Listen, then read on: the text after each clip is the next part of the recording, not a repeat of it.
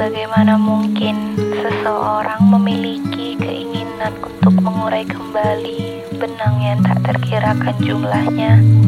dalam selembar sapu tangan yang telah ditenunnya sendiri?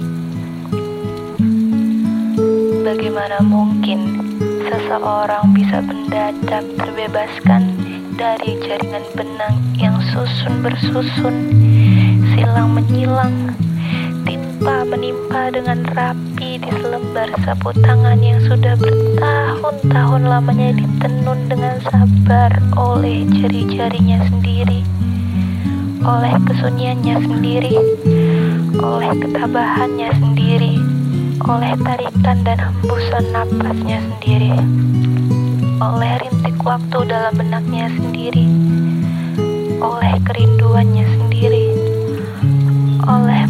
penghayatannya sendiri tentang hubungan-hubungan pelik antara perempuan dan laki-laki yang tinggal di sebuah ruangan kedap suara yang bernama kasih sayang. Bagaimana mungkin